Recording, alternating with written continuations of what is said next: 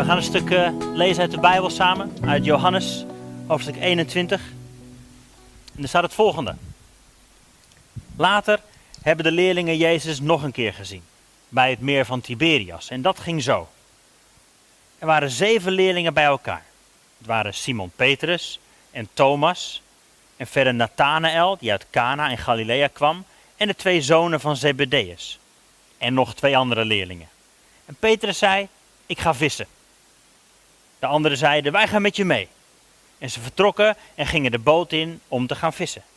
Maar die hele nacht vingen ze niets. En toen het al ochtend werd, stond Jezus bij het meer.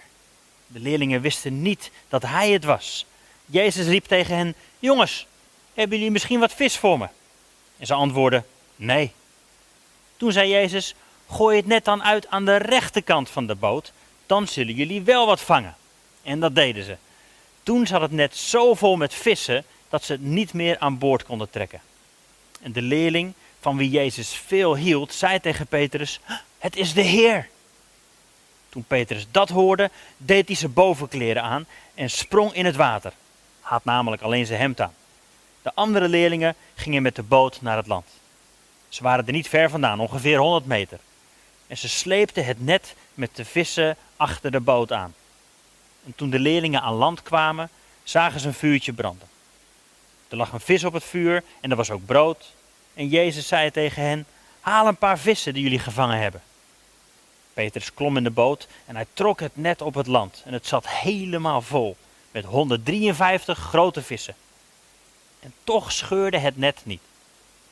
En toen zei Jezus tegen de leerlingen: Kom wat eten. Maar niemand van de leerlingen durfde hem te vragen: Wie bent u? Want ze begrepen dat het de Heer was. Jezus pakte het brood en hij deelde het aan de leerlingen uit. En met de vis deed hij hetzelfde. Even tot hier. Zullen we samen bidden? Heere God, dank u wel dat we op deze manier samen u mogen aanbidden. U zegt in geest en in waarheid.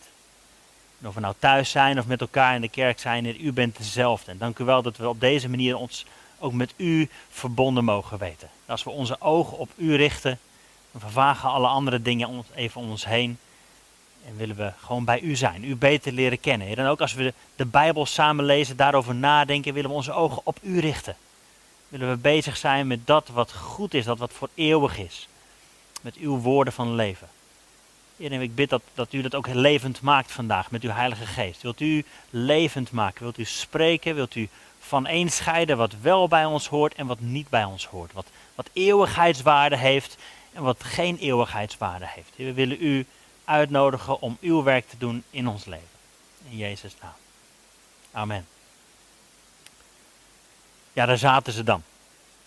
Deze vissers op hun boot. We lazen net uit Johannes 21. Dit is nadat Jezus is opgestaan. Maar hier zaten ze, zeven vissers in een boot.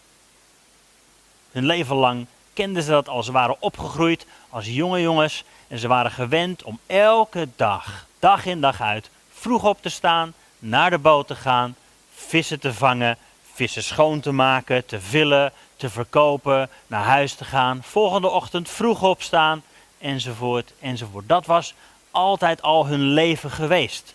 Tot, tot, tot een paar jaar geleden. Weet je nog? Jezus die langs het water liep en Simon en dan Andreas riep om zomaar zonder praten hun netten te verlaten. Dat gebeurde er drie jaar daarvoor. Deze ruwe vissers, deze ruwe gasten werden geroepen door een rabbi. Ze werden geroepen door Jezus en hij zei, kom volg mij.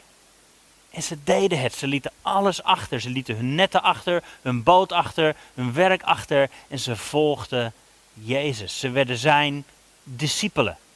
Ze werden zijn volgelingen. En dat, en dat deden ze. Ze volgden hem waar hij ook maar ging. Ze volgden hem dag in dag uit. En ze waren erbij. Hè? Ze waren erbij toen hij die verhalen vertelde over het koninkrijk van God. Toen hij de gelijkenissen vertelde, op de berg zat te praten over, over dit is hoe het eruit ziet als God koning wordt. En hij vertelde daar verhalen over. En, en soms was dat een koninkrijk op zijn kop. Dit hadden ze nog nooit eerder op die manier gehoord. En hij scheen zijn licht op wie God nou eigenlijk echt was. Hoe hij echt naar mensen keek, hoe hij echt van mensen hield. Mirjam zei het net. Hij vertelde gelijkenissen over, over dieren, over beroepen, verhalen die ze snapten. En deze discipelen ze waren erbij en ze volgden hem. Ze aten met hem, ze wandelden met hem van dorp naar dorp, van stad naar stad, dag in, dag uit. En ze leerden van hem. Ze snapten eindelijk wie God echt was. Maar hij vertelde niet alleen verhalen, deze Jezus. Hij deed het ook voor. Hij liet zien in woord en in daad. Zo ziet het eruit als God koning is. Dan worden blinde mensen genezen. Dan gaan lamme mensen weer lopen en staan en springen en dansen. Dove mensen kunnen horen. Zelfs dode mensen liet hij weer tot leven komen. Dit is hoe het koninkrijk van God eruit ziet. En deze discipelen, ze waren erbij. Drie jaar lang leerden ze van hem, volgden ze hem, mochten ze zijn leerlingen zijn. Ja, tot die dag dat hij gevangen genomen werd. Tot die dag dat hij gekruisigd werd. Wat een schok moet dat geweest zijn voor deze gasten. Ze dachten eindelijk, dit is de Messias. Het koninkrijk van God komt in kracht en nu zal hij koning worden en alles zal anders zijn. Maar ze snapten niet dat hij juist door zijn sterven, door het kruisigen, dat hij daar zijn kroon op kreeg. Dat daar het koninkrijk van God het meest duidelijk zichtbaar werd. Ze waren er ook bij, daar in die bovenkamer, toen hij verscheen. Toen de levende Jezus, opgestaan uit de dood, toen hij daar verscheen. We hebben een poosje geleden gelezen. Dat hij binnenkwam, plotseling in, in het huis, in die kamer. Alle deuren waren dicht, maar plotseling stond hij daar en hij zei: Vrede zij u. En hij blies op hen en ze ontvingen de Heilige Geest. En weet je nog wat hij toen zei? Zoals, zoals de Vader mij gezonden heeft, zo zend ik ook jullie. Ze waren erbij. Ze hebben die ontmoeting met de levende Jezus gehad. En, en nu zitten ze hier in een boot. Ken je dat? Dat je wel eens een ontmoeting met de levende Jezus hebt gehad? Misschien in een kerkdienst, misschien tijdens een andere bijeenkomst, dat je, dat je geraakt werd, dat je weet, God heeft me aangeraakt, God heeft me gezien, heeft me geroepen, misschien een mooie belofte gegeven, je heeft je diep aangeraakt. En daarna gaat het leven toch gewoon weer door. En, ga je toch maar weer gewoon doen wat je altijd al gedaan hebt. Dat gold ook voor deze gasten. Ze hebben de levende Jezus ontmoet. Ze hebben gezien dat hij is opgestaan uit de dood. Dat hij sterker was dan de dood. En toch, ja, laten we nu dan maar weer gaan vissen. Want ja, we weten het niet zo goed. Misschien heb jij jezelf ook wel zo gevoeld. Dat je, dat je weet, Jezus heeft me geroepen. Hij heeft me gezonden. Hij heeft me aangeraakt. En dan later, ja, dan lijkt het te verwateren. Maar Jezus laat er niet bij zitten. Hij zoekt ze op. En ze waren aan het vissen, maar, maar niks lukte. Ze hebben niks gevangen. En ik zei al, ze waren opgegroeid op het water. Hier staat de, zee van Tiberias, of het, meer van Galilea. Dus, dat is hetzelfde. Het ligt er een beetje aan het welk dorp je komt, hoe je het noemt. Ze kenden dat water. Ze wisten precies hoe de vissen zwommen. Ze wisten precies alle stromingen. Ze kenden het op hun duimpje. En toch, na een hele nacht vangen, hebben ze niks. na een hele nacht varen hebben ze niks gevangen. En midden in die situatie zoekt Jezus ze op. En dat is een troost en een hoop voor jou en mij. Als we, als we toch maar weer zijn teruggegaan naar nou ja, wat we altijd al deden. Jezus laat het er niet bij zitten. Hij is trouw aan zijn woord en hij zoekt ze op. En ze zien hem staan aan de zijkant en, en hij vraagt, hé, hey, hebben jullie wat gevangen? En hij wist het al lang. Dat is wel vaker, hè? als God een vraag aan je stelt, dan is dat nooit omdat hij informatie tekort heeft. Dan wil hij iets laten zien. En in dit geval zonder mij gaat het niet lukken, jongens. Hier zijn jullie niet voor geroepen. Er is een andere roeping, weet je nog? Hebben jullie al wat gevangen? Nee, zeiden ze. Gooi het net dan aan de andere kant uit. Dat is een bedweter, hè? Beetje beste stuurlui staan aan wal. Zij kenden dit water, maar deze man zegt dat we het anders moeten doen. Hallo. Maar toch deden ze het. Ze gooiden het net aan de andere kant uit en eigenlijk gebeurden er twee hele grote wonderen hier. Het eerste is natuurlijk dat toen ze het aan de andere kant uitgooiden, dat het hele net ramvol zat. De grote, wonderbare visvangst. Hier staat 153 grote vissen werden gevangen. En die 153, ja, er zijn heel veel theorieën over wat dat allemaal zou kunnen betekenen. Leuk om je eens in te verdiepen.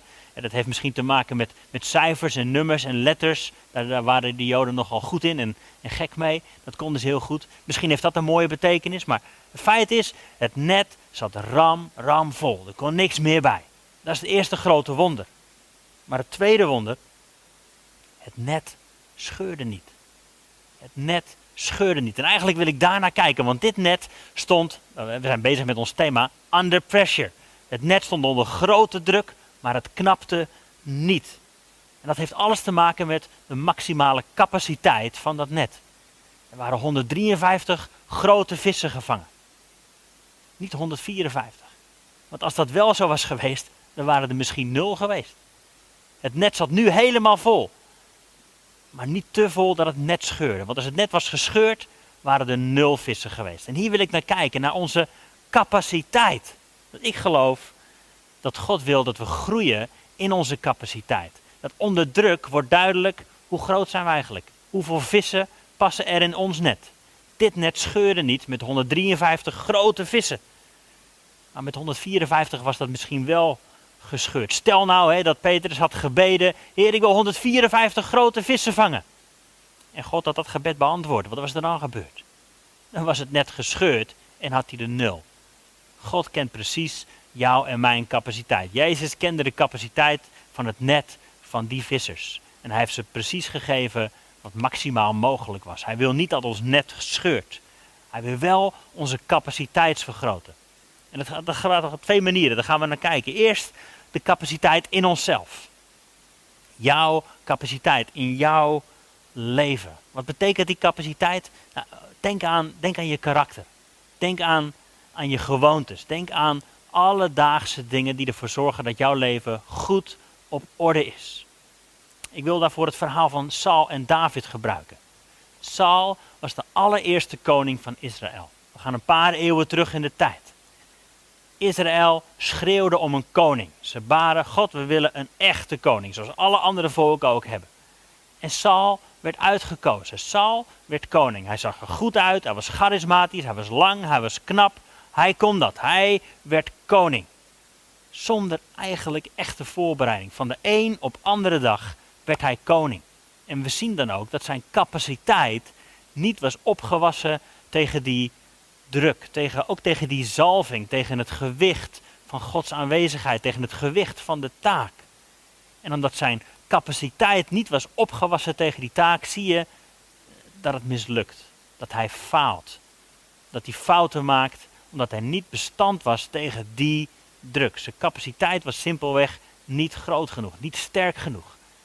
Dus aan de ene kant hebben we Saul, die geroepen werd als koning en op de een op andere dag werd hij koning. En daarnaast hebben we David, zijn opvolger.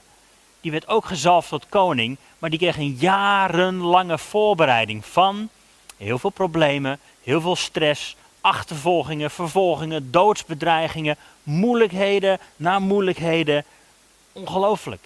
Maar wat die wat die vormingstijd met hem deed, dat jarenlang onder druk leven, is het, het vergroten zijn capaciteit. Hij werd er sterker door, hij werd er gezonder door, zijn karakter werd gevormd, zodat hij voorbereid was op die taak om koning te zijn. Zijn capaciteit, hij werd letterlijk uitgerekt, uitgerekt, uitgerekt. En daardoor kon hij ook die taak veel beter volbrengen dan zijn voorganger deed. Uiteindelijk zien we dat juist door die moeilijkheden, door die stress, door al die, eh, door al die nare tijden die hij meemaakt, zien we dat hij eh, een goede capaciteit kreeg om vol te houden. Om die taak die God hem had gegeven, om die goed te volbrengen. In Romeinen 5 lezen we het volgende. Vanaf vers 2 staat daar dit. En we roemen in de hoop op de heerlijkheid van God. We roemen op de hoop, of in de hoop op de heerlijkheid van God. Natuurlijk staat. Maar dat niet alleen, maar we roemen ook in verdrukkingen. Waarom? Omdat we weten dat de verdrukking volharding teweeg brengt. En de volharding ondervinding. En de ondervinding hoop. En hoop beschaamt niet, omdat de liefde van God in onze harten uitgestort is door de Heilige Geest die ons gegeven is. Dus we zien hier, verdrukking, dat brengt volharding. En volharding ondervinding. Nou, dat is een beetje een lastig woord, maar er staat in het Grieks zoiets als dokime. Dat betekent karakter, iets wat getest is, iets wat gewoon stevig genoeg is bevonden. Dus verdrukking, daardoor krijg je volharding. Door volharding krijg je karakter. En door het karakter hoop. En hoop stelt nooit teleur.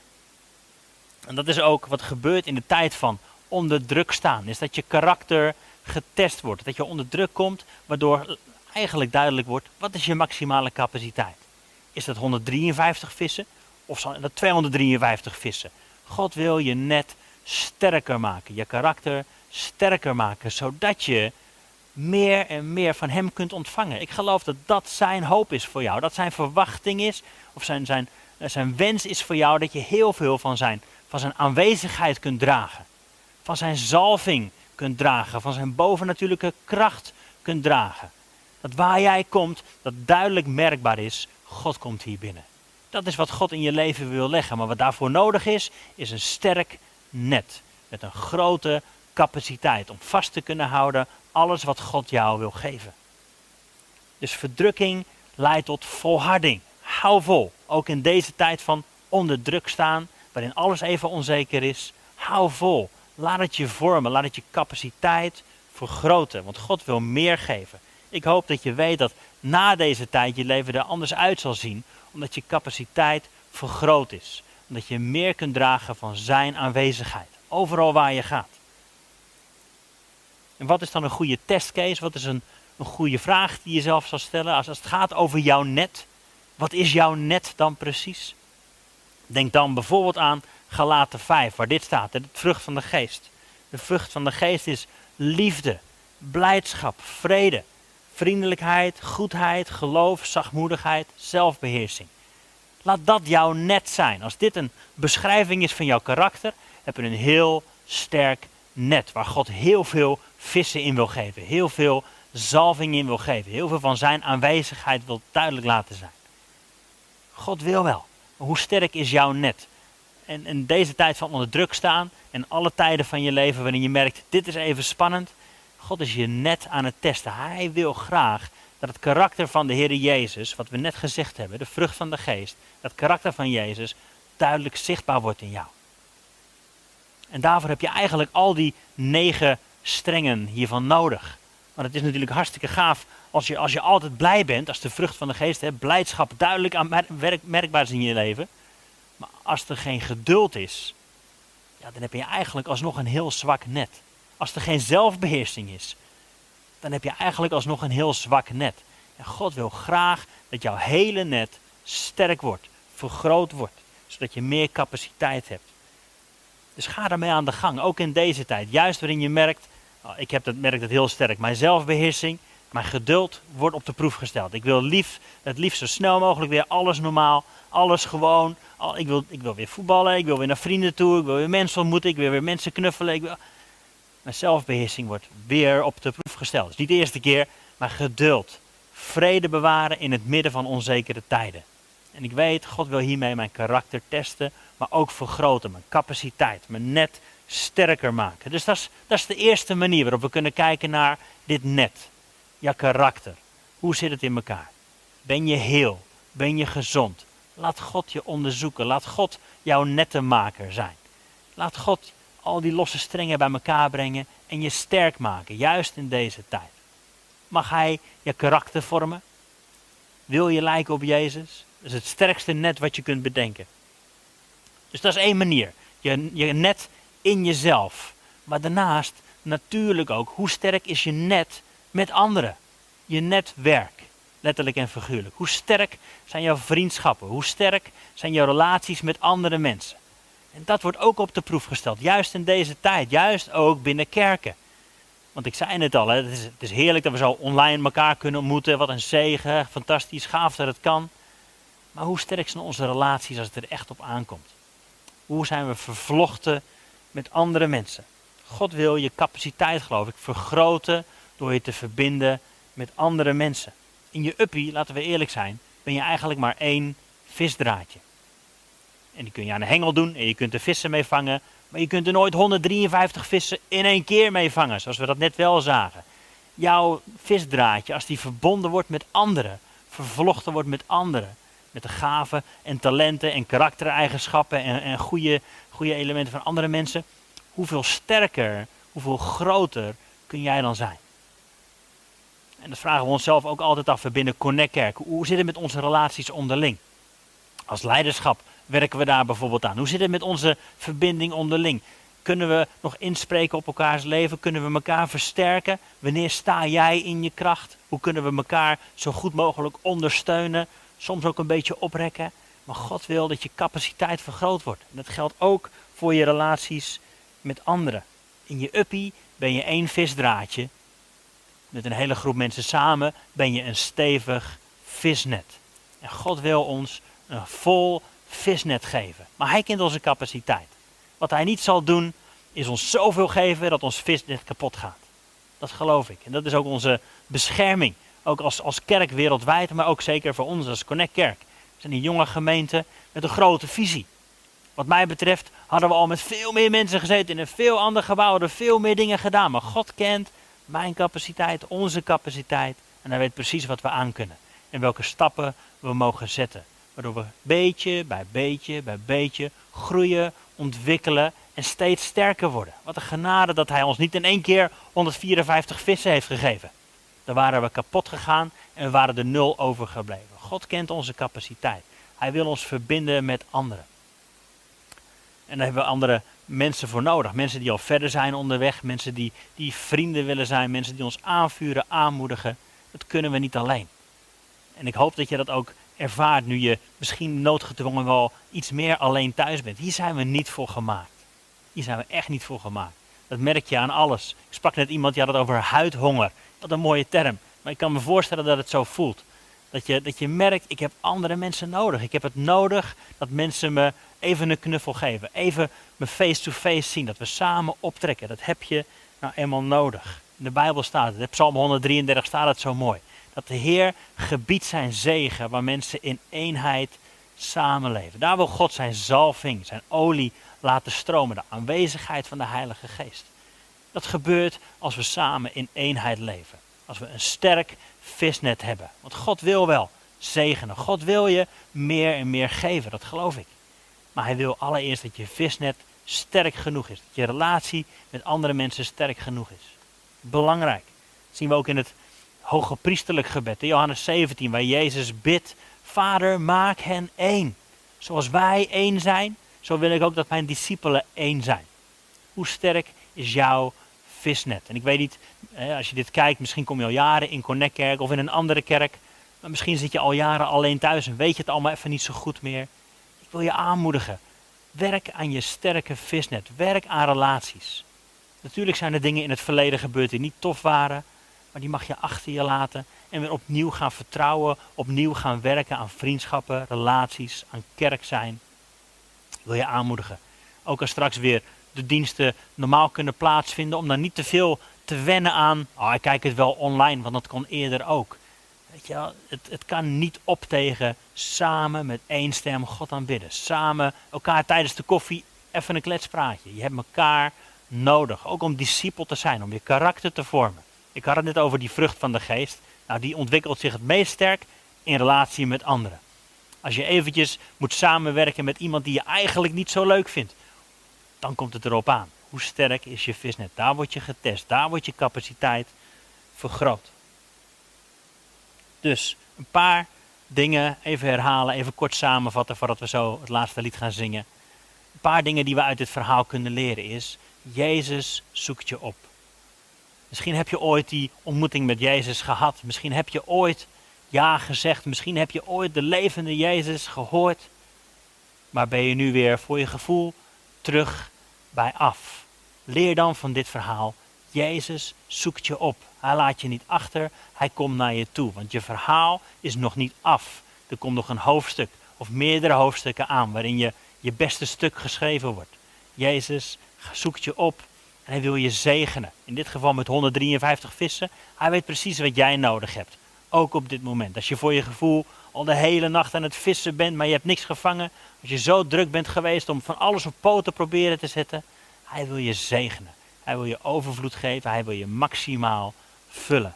Met zijn vrede, met zijn liefde, met zijn aanwezigheid. Jezus zoekt je op, maar hij kent je capaciteit en hij wil je vergroten. Werk aan je karakter. God wil je veel meer geven. Maar allereerst wil hij je zegenen met een sterk karakter. Met goede gewoontes. Met goede leefafspraken voor jezelf. Bouw aan je karakter. En als laatste, wijd je toe. Wijd je toe aan hem. Wijd je toe aan elkaar.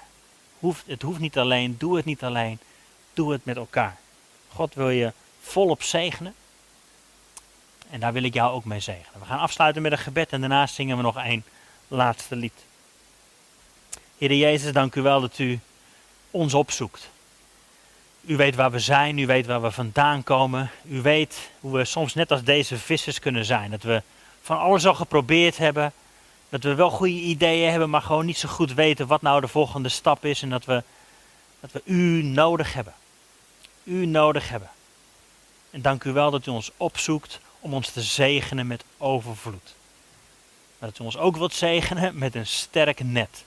En ik wil bidden, Heer Jezus, dat u ons, ons hart onderzoekt. Ja, dat is wat de Bijbel zegt. Heer, ken mij, doorgrond mij en zie of er in mij geen heideloze weg is. En dat wil ik ook bidden, Heer. Wilt u mij onderzoeken? Wilt u ons onderzoeken? En ieder persoonlijk, ons als Connectkerk, ons als kerk in Nederland. Wilt u ons onderzoeken en ons net sterk maken? Als er een gebroken stukje tussen zit, wilt u ons heel maken, ons herstellen, ons karakter, ons net stevig maken. Want dank u wel dat u wilt zegenen met overvloed. En dank u wel dat u precies weet waar we nu staan. En ik wil bidden voor uw vrede, ook in deze tijd waarin het soms echt kan voelen dat we onder druk staan. Waarin relaties onder druk staan, werk onder druk staat, financiën onder druk staan. Alles wat we kennen is anders nu, maar u bent dezelfde. En ik wil bidden dat we weten dat u uh, met ons bent, in ons bent, dat u ons wilt vullen met uw aanwezigheid. En ik wil bidden voor een grotere verwachting.